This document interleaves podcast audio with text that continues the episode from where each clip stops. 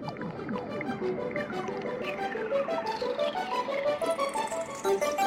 you.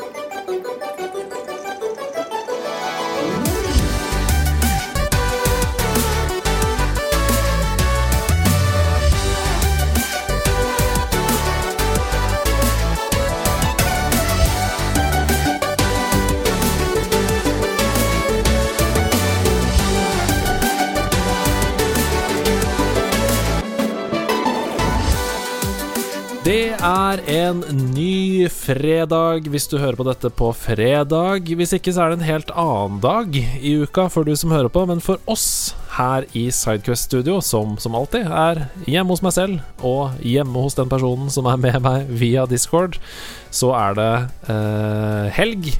Og vi skal i gang med en helt ny, eh, supergøy serie som jeg håper kommer til å bli eh, lang og fin og ha, ja, som sagt, et langt og godt liv. Eh, for nå, vi nå, har vi kommet til veis ende ved spillårene. Det er ikke flere spillår å ta for seg. Eh, jeg føler at 2020 skal få lov til å marinere seg litt mer før vi tar det i retrospekt. Men eh, i mellomtiden så har eh, jeg kommet opp en ny serie som jeg kaller for 40 40 store spillselskap. Og da har jeg valgt meg ut 40 av de største, eller ikke, ikke nødvendigvis av de største, men jeg har valgt meg ut 40 spillselskap i verden eh, som vi skal snakke litt om historien til, eh, og da som utviklere av spill. Eh, ikke nødvendigvis utgivere, men utviklere. Denne uka her så har jeg fått med meg eh, hele eh, Radcrew og eh, Sør- og Vestlandsregionen. Eh, Utvida nå fra bare Vestlandsregionen til Sør- og Sør-Vestlandsregionen. Jostein Hakestad! Hei, hei, hei. Og vet du hva, det, det, er en glede å være med og kicke off en ny serie her på uh, Sidequest. Mm, det er så gøy å ha deg med. Det uh, er jo sånn at man velger seg ut de mennesker som man vet at det kommer til å gå smooth sailing med når man skal starte i gang nye serier, så da var det lett å ringe uh, Jostein. Yay. Eh, denne uka her, jeg sendte deg jo lista med de 40 selskapene som jeg har skrevet opp, og du sa 'jeg vil ha Sega'. ja, jeg gjorde det. Jeg var ganske kjapp med det, faktisk. Hvorfor det? Uh, det er jo uh, det, det, er et selskap som har betydd mye for meg både i oppveksten og fremdeles betyr mye for meg, egentlig. De har Og så, de, så har de vært innovatører, og de har De har bare betydd uh, betydd veldig mye for spill, så jeg syns de er veldig spennende. Og så er det mm. kanskje mange som hører på som ikke vet så mye om Sega. Så det er mhm. gøy, gøy å formidle litt.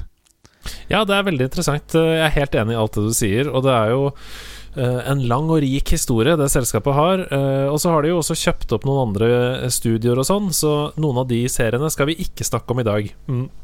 Uh, av, den enkle, av, den enkle, grunn av at um, hvis vi skulle f.eks. snakket om ja, EA, da, så hadde det også blitt veldig mye hvis man skulle ta med alle de selskapene ja. som ligger under EA. Det er jo for øvrig en uh, Se om jeg klarer å huske på det ute i episoden. Det er en sånn fun fact om EA og Sega, da. Som uh, kanskje vi kan komme innom. Jeg får se om jeg husker ja, det. Det, det, det, det satser vi på. Um, aller først så tenkte jeg bare kunne snakke litt om Segas historie. Og uh, det kommer fra et ganske gøy sted.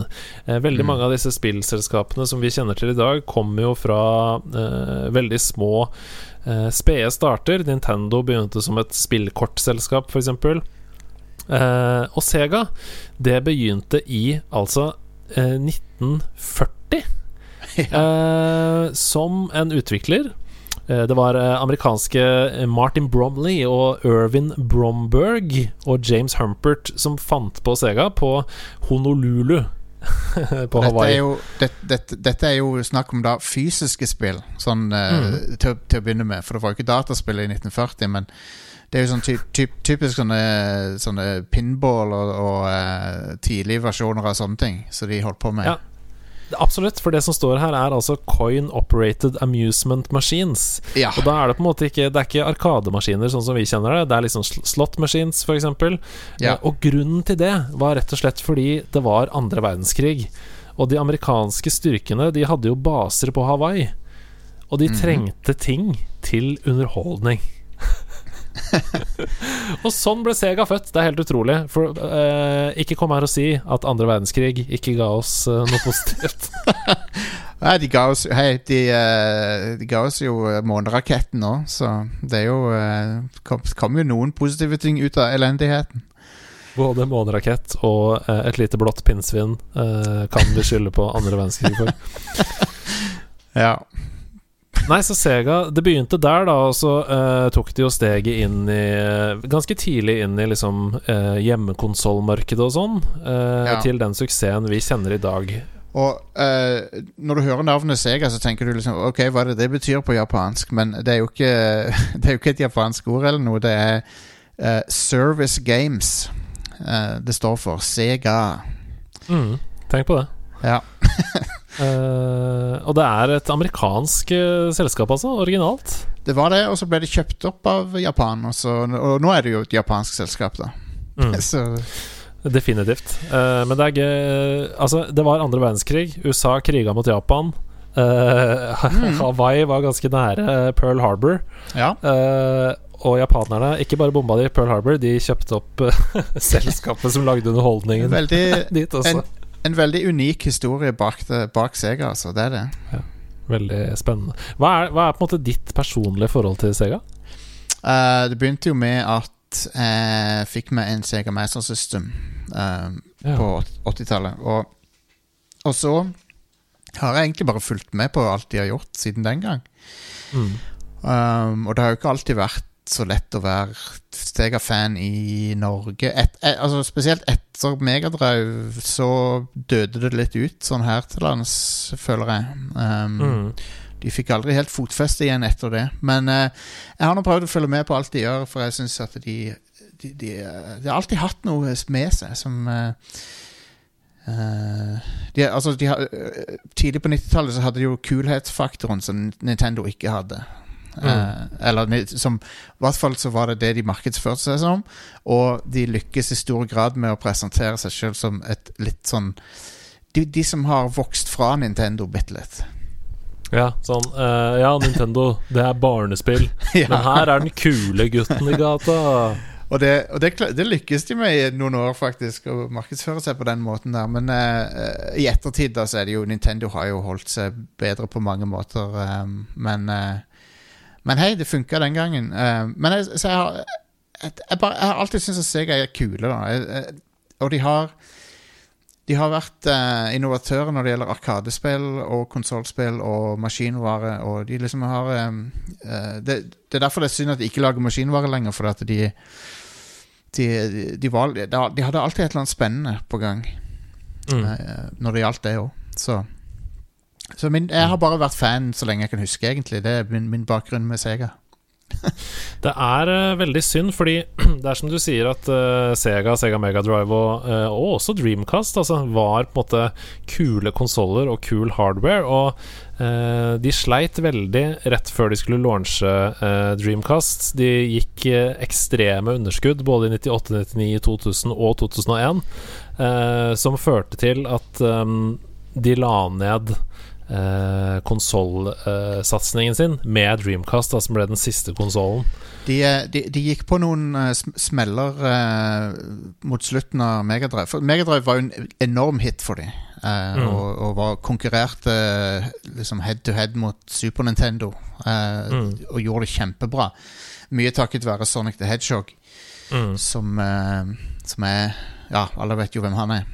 Mm. Um, men så, så, så hadde de noen hardware-satsinger som gikk feil. Det er blant annet 32X add-onen til Megadrive som, eh, som crash and burna ganske hardt.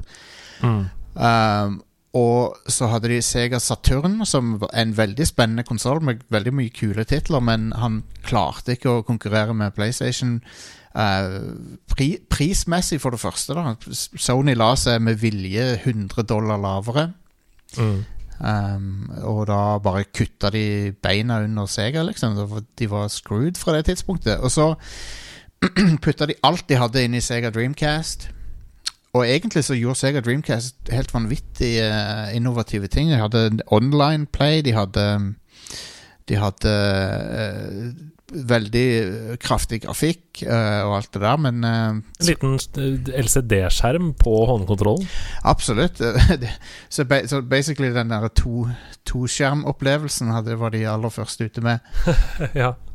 Um, men uh, PS2 eh, tok knekken på de igjen, så eh, Rett og slett. det var, Sony altså- var Sony var sånn snøball som bare ikke kunne stoppes når den først var i gang. Så um, Mm.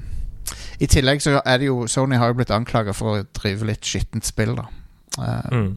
Med å love veldig mye med PS2 som man kanskje ikke uh, var i stand til å gjøre, egentlig. Men de gjorde det for å liksom ta, ta Sega.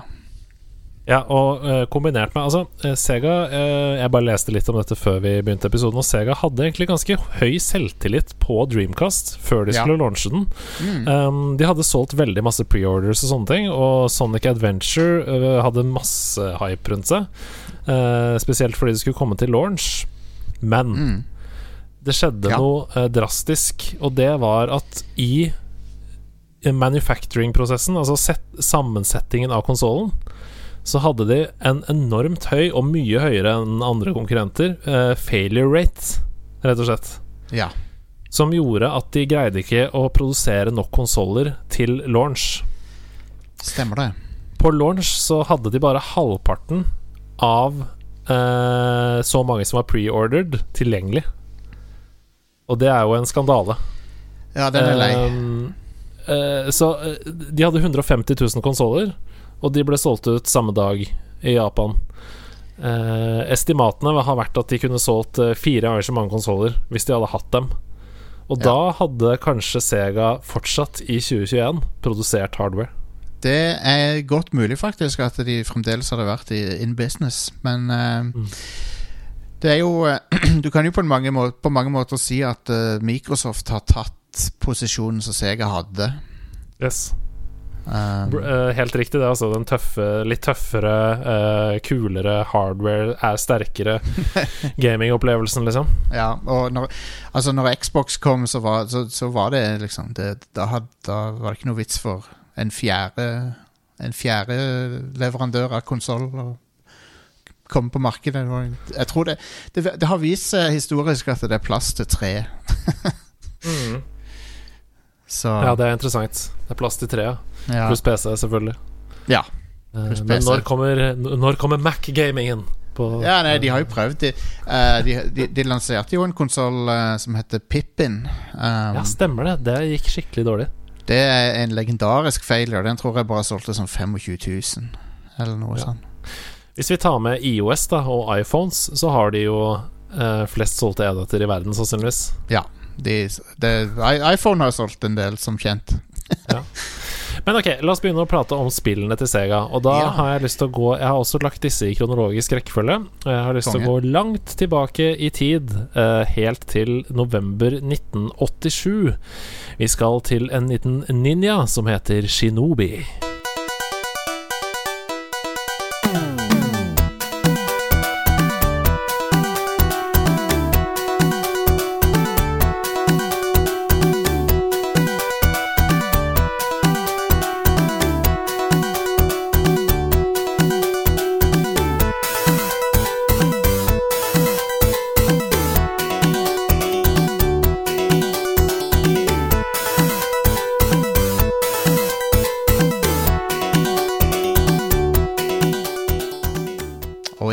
Ja, Shinobi, ja. Det, så jeg har ikke spilt det opprinnelige Shinobi, men jeg har spilt de på Megadrive. Um, mm. Og uh, det er jo veldig kjekke plattformspill som uh, ja, mye til felles med Nintendo sine Eller Tekmo er det vel, som eh, lager de der eh, Ninja Guiden-spillene.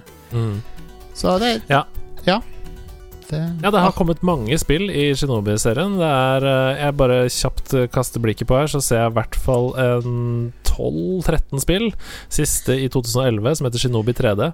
ja. Eh, jeg sa her at ninjaen heter Shinobi. Det heter han selvfølgelig ikke, fordi det er Altså, ninja betyr Shinobi. Ja. Uh, um, men det er uh, Joe Musashi som er navnet på hovedpersonen. Jeg kan, jeg kan anbefale Shinobi 3 på Megadrive. Det er et veldig godt spill. Og det, det er inkludert på de aller fleste sånne Megadrive compilations. Så Ja, det eh, stemmer det. Det har jeg faktisk på Jeg har sånn um, Megadrive Mini. ja, der er nok Shinobi 3, Sega tror jeg. Ja. Og den er på hytta, så det skal jeg absolutt sjekke ut. Jeg, bare, jeg, jeg har hørt at det første var veldig vanskelig, var det ikke det? det, det, kan du, kan, det er jo bare naturlig å anta at det er veldig vanskelig, med, med tanke Ja. på at det er fra 1987. Ja, Så-? Så det tror jeg nok kan stemme, ja. Mm. Et bitte lite ninjaspill, og det står jo her at uh, along with Alex Kidd and Sonic the Hedgehog, Joe Musashi has long been one of Segas flagship characters. Mm, det tror jeg vi kan konstatere. Var uh, maskot der på 80-tallet, da ninjaboomen var uh, på sitt høyeste. Stemmer. Sannsynligvis også Karate Kid og du vet den tiden der. Da var det deilig å ha en uh, franchise som Shinobi, kan jeg se for meg. ja. Det kom to spill på ett år her, uh, i 1989. Wow. Uh, så ja, da var det på sitt hardeste. Ok, vi går videre til et RPG-spill som er Og dette er helt utrolig, for jeg har Hele livet mitt så har jeg lest masse om spill. Jeg har sett masse på video om spill. Jeg har spilt veldig mye selv, og eh, er Altså, det er jo min klart største hobby. Eh, men dette spillet hadde jeg aldri hørt om. Oh. Eh, og det er RPG-spillet Fantasy Star.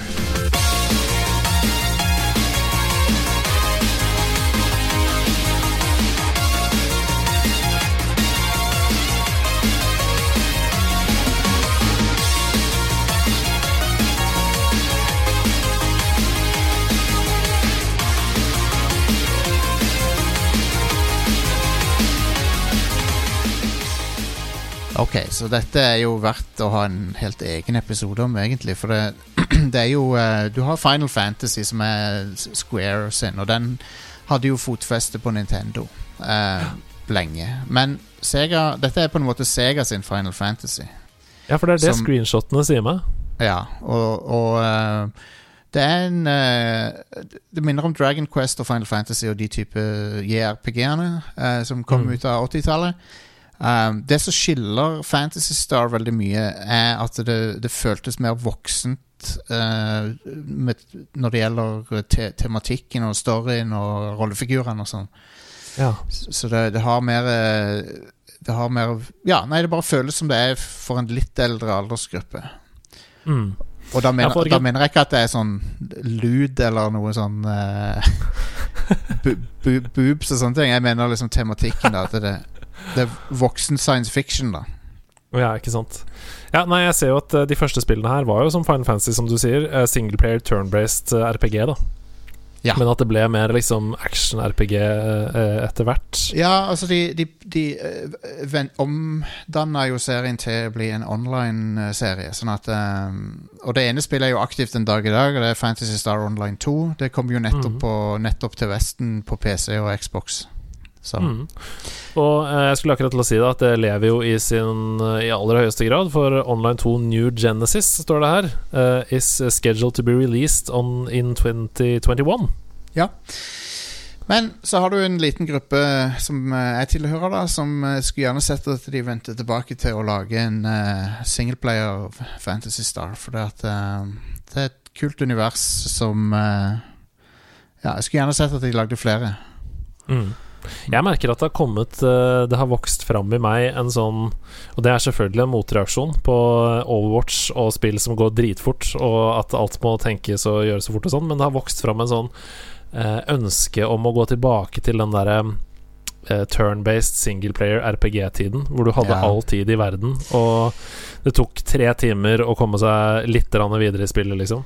Da burde du jo spille et annet Sega-spill som kom ut i fjor, eh, i 2020, som heter Yakuza Like a Dragon. Som eh, Det er veldig gøy at du sier det, for det er jo en av grunnene til at du også er gjest. Fordi jeg så at du snakka så varmt om det eh, spillet, og at eh, Yakuza på Twitter da At Yakuza-serien var noe alle burde plukke opp. Og ja, ja, Var noe på Pressfire, er det ikke det? Eller er det gamer.no, er det dere samarbeider med? Det er, press, det er Pressfire. Ja, Pressfire, ja. Eh, Mm. For der sto det i overskriften også uh, om Yakuza, så vi kommer selvfølgelig tilbake til den serien litt senere i denne episoden.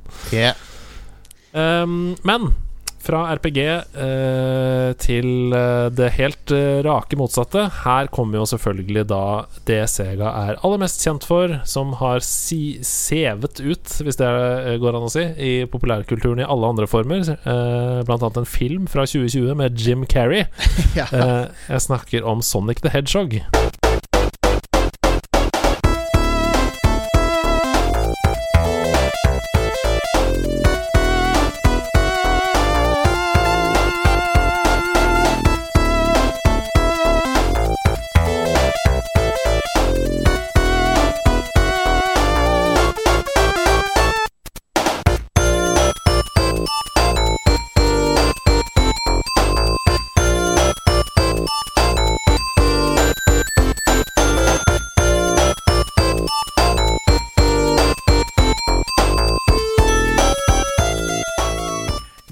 Til å, til å være til å være en så 90-tallsting, så er det utrolig at han eh, har hatt den holdbarheten som han har.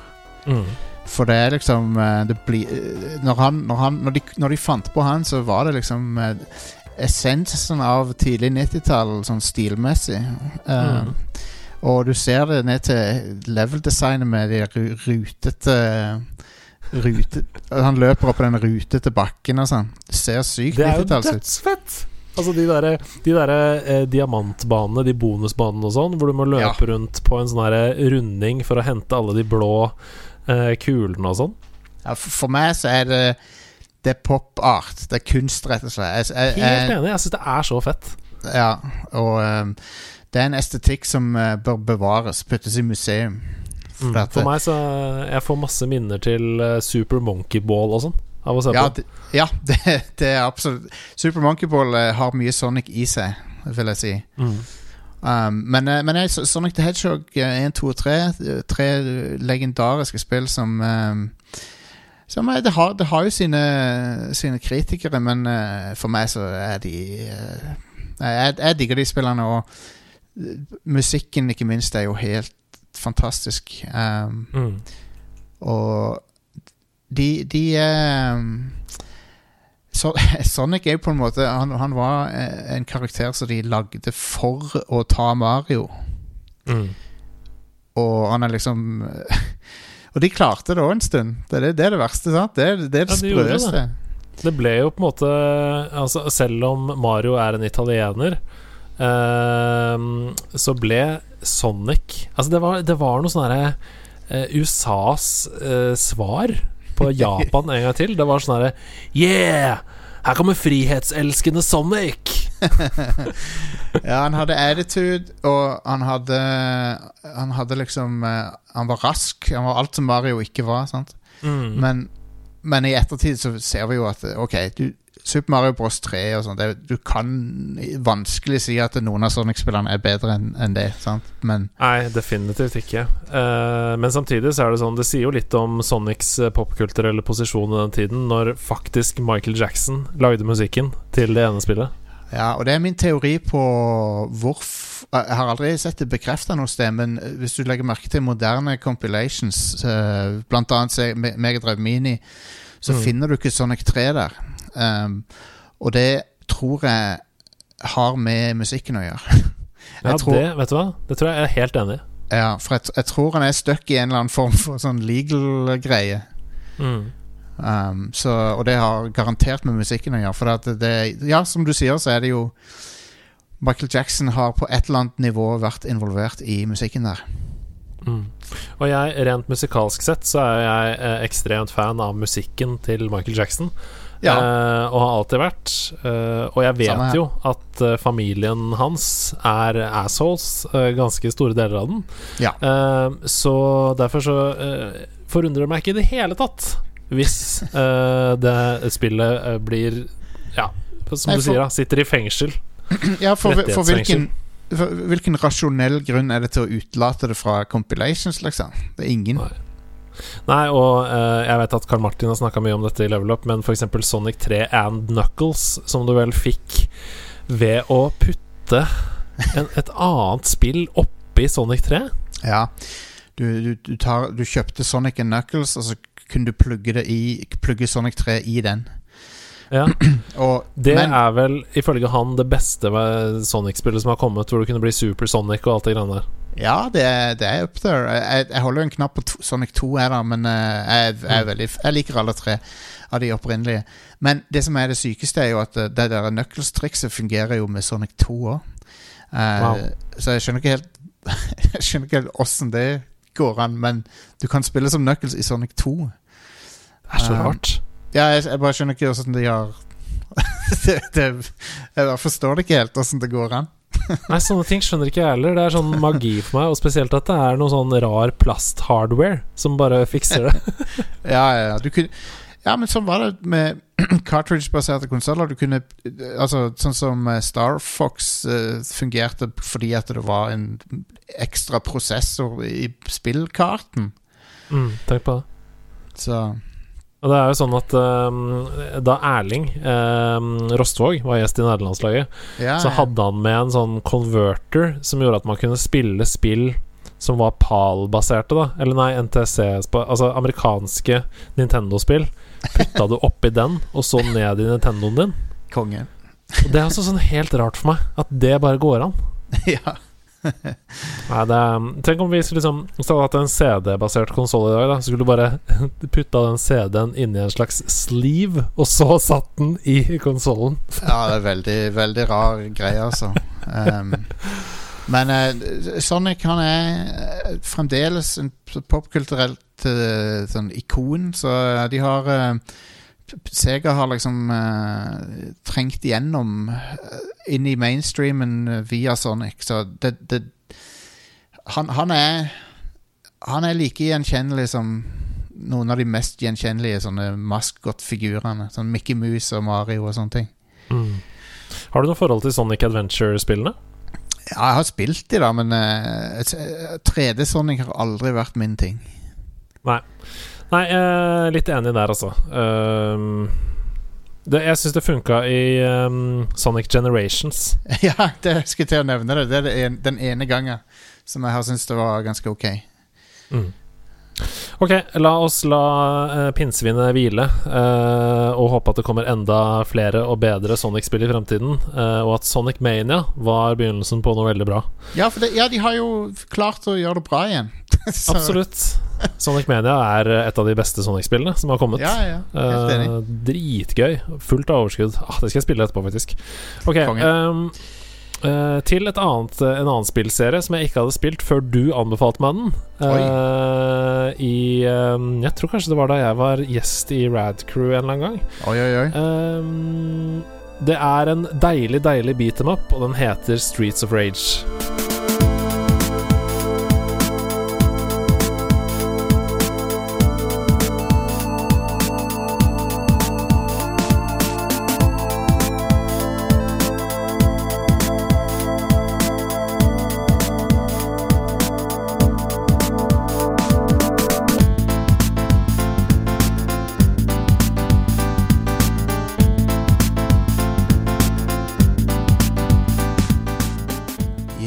Streets of Rage, ja. Det, det er jo uh, Ved siden av Capcom sin eh, Final Fight, så er det det som på en måte eh, gjorde hele den uh, beat em up-sjangeren, vil jeg si.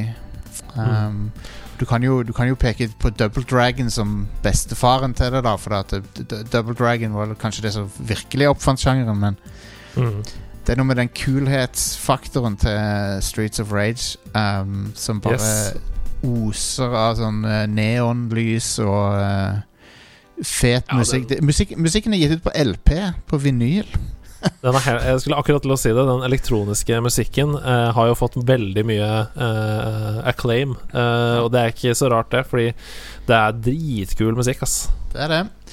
Og det første eh, spillet kom i 91, eh, og da det nyeste spillet, som jeg tisa litt innledningsvis kom i april da 2020. ja. Streets Rage 4. Og det var eh, virkelig en av mine eh, store opplevelser, altså, i 2020. det, det var en åpenbaring for meg. Jeg hadde ikke trodd at de skulle bringe tilbake Streets of Rage så bra som det der. der for det Nei, det er bare det, det, For meg det beste sånn revivalen av den gamle beat em up-sjangeren som, som, som er gjort hittil.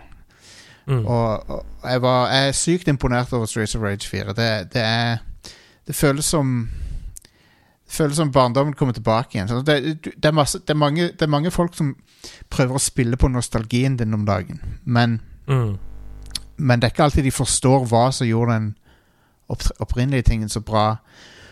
Og samtidig så klarer de å modernisere det, men Streets of Rage 4 gjør begge deler. da Ja, det er kjempe Det er så gøy, og eh, akkurat så vanskelig som det skal være. Eh, Ja.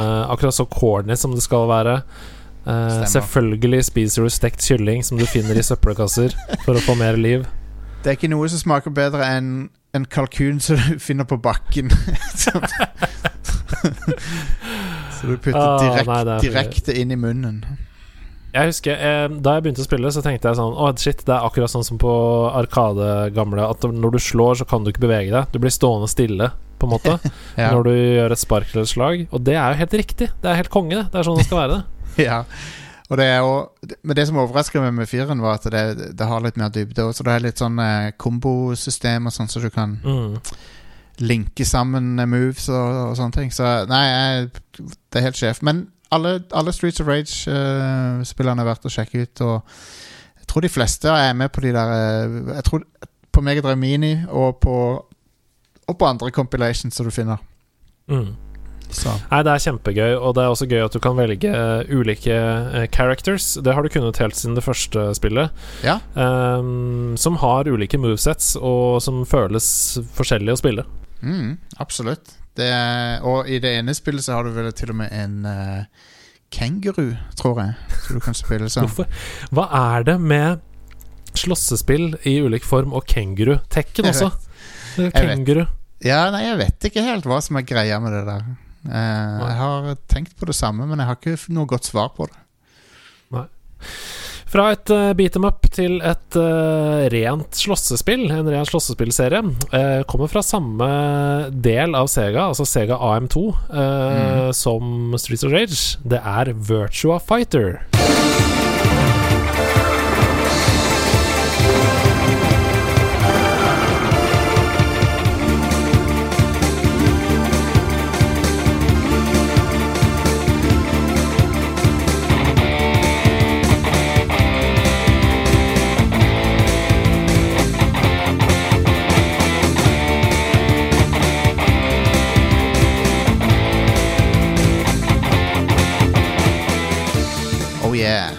Og, det er jo bra at du nevner Sega AM2, for det er jo en uh, sånn innovasjonsdriver for Sega som uh, Mm.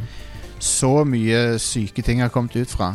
Eh, alt fra Afterburner til Daytona USA til, til Space Harrier og De Mm. ut, utvikla den arkade-hardwaren som, gjorde at- som gjorde det mulig å ha sånn en slags type 3D-grafikk. da Eh, du, du ser jo i eh, Terminator 2 Så er det noen som spiller Afterburner 2 eh, i en scene der når, de er, når han John Connor er i arkaden der. Anyway. Ja, det jeg skulle si kjapt, er bare sånn at jeg er så glad for at det fins selskaper, i hvert fall har fantes selskaper, som er så store, da. Men som fortsatt ser verdien i å ha en eksperimentell utviklingsavdeling. ja, ja, Eh, ja. og bruke masse penger på det, liksom. Fordi eh, det er så lett å gå seg vill i sånn Ja, nå har vi Sonic. Da lager vi 70 Sonic. Eh, Men å se verdien i at man må legge budsjett i de som er sultne og eh, har lyst til å utforske og sprenge grenser og sånn, det er så bra, syns jeg. Det er det. De, de, det første du beskriver der, det er jo Activision sin modell. De, bare, de, de, finner et eller annet som er populært, og så bare melker de det til siste dråpe. Og så, og så har de Ops, nå har vi ikke noe lenger, nå må vi finne på noe nytt, liksom. Ja. Eller uh, men- Infinity Ward. Er også- Ja, ja, ja. Så, men, eh, så, men Sega de har uh, AM2 har vært en sånn en uh, I tillegg til å lage spill, så er de litt sånn R&D-avdeling, så Men uh, Virtua Cop er jo Nei, Vir Virtua Cop, hører du. Virtua Fighter. Virtua, Virtua, er jo. Virtua er jo en del av en serie av Virtua-spill, sant? Ja, ja, Virtua Tennis og Ja. Ja. Og, men Virtua Fighter er jo eh, en serie som eh, på mange måter eh, viste hvordan, hvordan sånt fightespill kunne takle overgangen fra 2D som Street Fighter til 3D. da Mm. Og det er Tek Tekken og Virtua Fighter som på en måte var driverne for det. da Mm. Um, og eh, Nei, det var, det var bare noe Jeg husker jeg så arkademaskiner med Virtua Fighter på. Jeg bare synes det var Og det, i dag så ser det jo latterlig ut. Det ser ut som bl blokket ut og sånn, men den gangen så var det Det var imponerende, for det, du hadde ikke sett noe sånt før. At det var liksom polygonale fightere som Kameraet roterte rundt og sånn. Det var crazy shit. Mm. Um, Det, er, det er jo veldig gøy at uh, en, uh, I 2020 så kom jo da Yakuza Like a Dragon. ja. Uh, og en full liksom eh, port av det første spillet er jo spillbar på arkadene Ja. i Yakuza det. Like a Dragon. I tillegg, I tillegg til jeg tror Space Harrier og Outrun, tror jeg det er. Ikke sant? Det er så gøy. Ja. Nei, men Virtua Fighter er jo da, som du sier, da et helt uh, klassisk slåssespill. Du har punch, kick og guard, og så skal du da i singleplayer-modusen uh, fighte deg gjennom en sånn cup, kan du si, da, uh, Mm. av ulike karakterer i spillet. hvor du da også, også kommer innom din egen dobbeltgjenger, som jeg alltid syntes var så rart da jeg spilte Tekken og sånn. Ja, nå skal jeg slåss mot meg selv, ja, ja. før bossen til slutt, da. Og eh, kom ut i 93, så det er før PlayStation. Så det var ekstra imponerende med den 3D-grafikken eh, Mm. på det tidspunktet. Jeg har to eh, spillserier igjen på lista her før vi skal runde av. Og det første, det em, eh, fikk en sånn Kickstarter-revival, som også ble mye omtalt på E3. Eh, og det er det lille action-adventure-spillet Shenmue.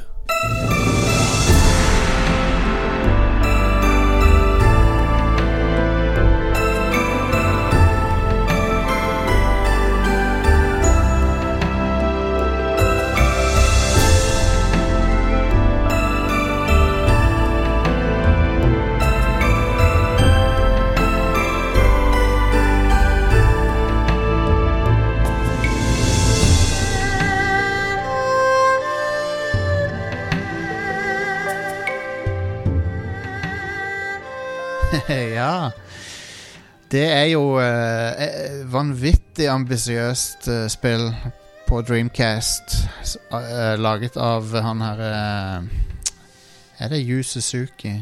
Yes, det er helt Ja. riktig. Yu Suzuki. Eh, Beste navnet i gaming. ja. Kult å hete Suzuki. Men, eh, Ja. men ja, det er jo, det er jo et eh, adventure eh, skråstrek actionspill skråstrek Ja, det, det, det har jo litt felles med de gamle pek og klikk-adventure-spillene òg, sånn sett, men Mm. det som, det som er så sykt med det, er detaljnivået.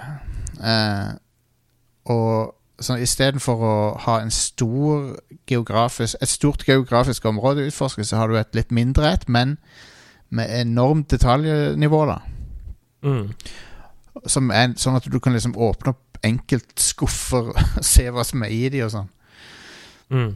Um, og så Det er jo Ja. Nei, det er jo en, eh, en spillserie som fikk en veldig sånn lojal følgebase, nettopp pga. det du snakker om her, detaljnivået, um, og det det handler om, det emosjonelle og sånn. Og det er veldig interessant det du sier også, uh, hvor store ambisjoner det er. For hvis man skal uh, Han Yu Suzuki selv, han har sagt at de tre spillene, altså Shenmu 1, 2, 3 eh, de inneholder ca. 40% av hans originale historie, Wow. som han hadde tenkt for, de tre, for den trilogien. Men det er, noe, det er noe som alltid har fascinert meg med spill som, som uh, foregår i uh, en moderne setting og eh, litt sånn derre mundane omgivelser, da. det er sånn Mm. hver, hverdagslig setting. Mm. Um, og det, det syns jeg alltid er litt fascinerende. Det er det som jeg liker litt med personerspillene og sånn, at det er sånn OK, du går på en skole, og så er det Mm. så skjer det jo noen crazy ting, men, men så gjør du sånne ting som du ville gjort i virkeligheten, liksom. Ja, sånne ting liker jeg. Så Shenmue, jeg skjønner veldig godt appellen med det. Uh, I praksis så syns jeg ikke det er utrolig engasjerende med Shenmue. Nei. Nei da. eh, og det er vel også sånn at de første to spillene eh, De er på veldig mange Eller i hvert fall en del har jeg sett sånn Greatest Video Games of All Time. Det er det. Eh, ligger rundt sånn 88-89 av 100 og sånn på Metacritic. Eh, men det tredje spillet, det ble nok litt sånn Altså, det sier jo litt når man må ut og uh, be om crowdfunding, da, uh, Ja. etter at spillet har ligget brakk i noen år og sånn. Og så blir det kjempe Det var en kjempesuksess, den crowdfundingen, og du får pengene du trenger og sånn.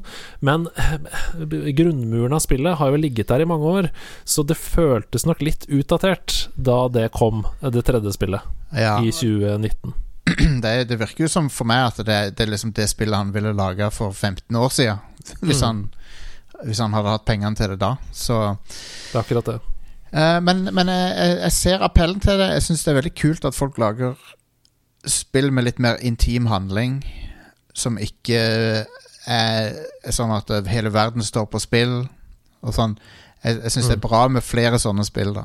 Men Shenmue syns jeg ikke har det så veldig engasjerende gameplay, personlig, da. Men uh, Nei, det er helt fair, det, altså. Um, til, fra Shenmu til uh, det siste spillet, serien, som jeg har uh, på lista, og som det er supert at du er her for å snakke om. Det Yeah. er selvfølgelig Yakuza.「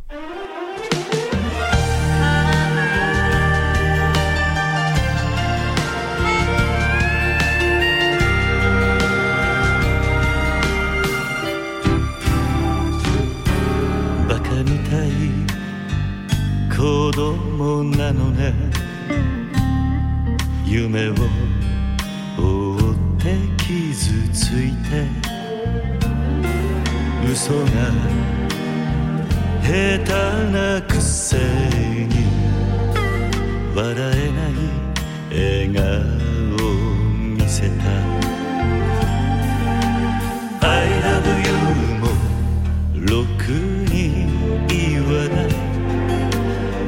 口下手でほんまに不器用 Ja, men det er Og det er jo på en måte Jeg har jo beskrevet det på Rad Crew-podkasten vår som Det er Shenmue bare, bare bedre, på en måte.